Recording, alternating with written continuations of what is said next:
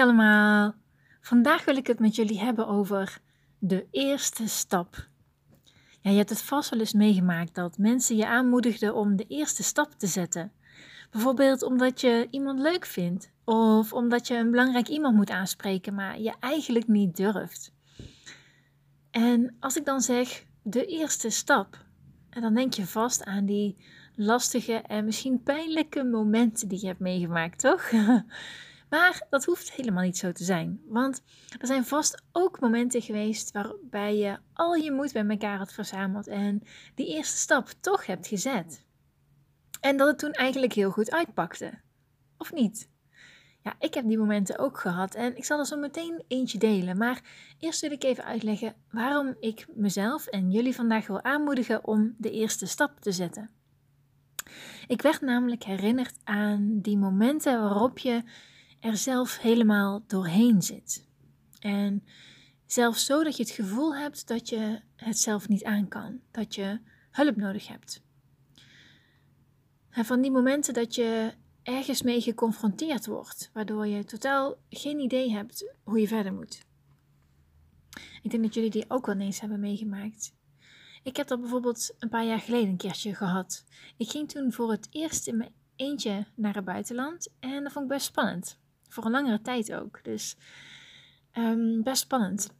En nadat ik toen op het vliegveld was aangekomen, werd ik uh, door iemand opgehaald en naar mijn verblijfplaats gebracht. En omdat het al avond was, uh, ging ik ook meteen naar bed, uh, zodat ik geen jetlag zou krijgen. Maar die volgende ochtend, toen kreeg ik het even zwaar. Want hè, in plaats van dat ik helemaal enthousiast was om te gaan ontdekken wat er allemaal om me heen gebeurde, werd ik een beetje bang.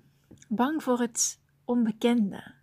Bang dat dingen niet goed zouden gaan. Bang dat andere mensen mij niet aardig zouden vinden. Dat ik alleen zou blijven tijdens mijn tijd in het buitenland. En die angst werd me toen even te veel. En ik barstte in huilen uit. En ik bad tot God om kracht. Ik bad dat Hij me zou helpen. Mij kracht zou geven. En mij de moed zou geven om de kamer uit te lopen. En naar het zwembad te gaan dat vlakbij was. En mij de moed te geven om iemand aan te spreken. Nou, zo zat ik een tijdje op mijn kamer, niet in staat om die angst van mij af te schudden. Maar ja, totdat het moment kwam dat ik toch maar in tranen mijn spullen pakte, mijn tranen droogde, mezelf vermande en op God vertrouwend naar buiten ging en iemand aansprak. En wat bleek? Iedereen was heel aardig. En toen ik één iemand aansprak, kwamen er gelijk nog meer mensen aan. En zo werd het een hele gezellige middag en heb ik uiteindelijk ook een hele fijne tijd gehad. En ik voelde dat omdat ik de eerste stap zette, God mij kracht gaf, mij moed gaf en de situatie hielp zodat alles goed zou komen en mijn angst verdwijnde. Mooi hè? En vandaag wil ik jullie aanmoedigen om die eerste stap te zetten. Want dan zal God je helpen en je kracht geven. En vaak is denk ik een van onze eerste reacties in lastige situaties: ah, ik wil niet, of ik kan niet, of hè, dat we doen alsof het er niet is. Een beetje onze kop in het zand steken, zeg maar. En ik herken dat ook ik betrap me er zelf ook wel eens op dat ik in lastige situaties eerder de neiging heb om mijn kop in de zand te steken dan eh, dat ik de situatie bij de kop aanpak. Ik ben benieuwd hoe jij dat ook doet. Misschien ben jij wel iemand die nergens bang voor is en juist vol enthousiasme nieuwe dingen oppakt. Maar hoe het ook zij, we kennen allemaal wel van die situaties waarbij je niet goed weet wat je moet doen. Dat je het gevoel hebt zelfs dat je het niet aan kan, dat je niet meer, uh, dat je bijna wanhopig wordt. En met dat in gedachten uh, wil ik jullie aanmoedigen om die eerste stap te zetten samen met God. Want als jij de eerste stap zet vol vertrouwen op God, dan zal Hij je zeker helpen.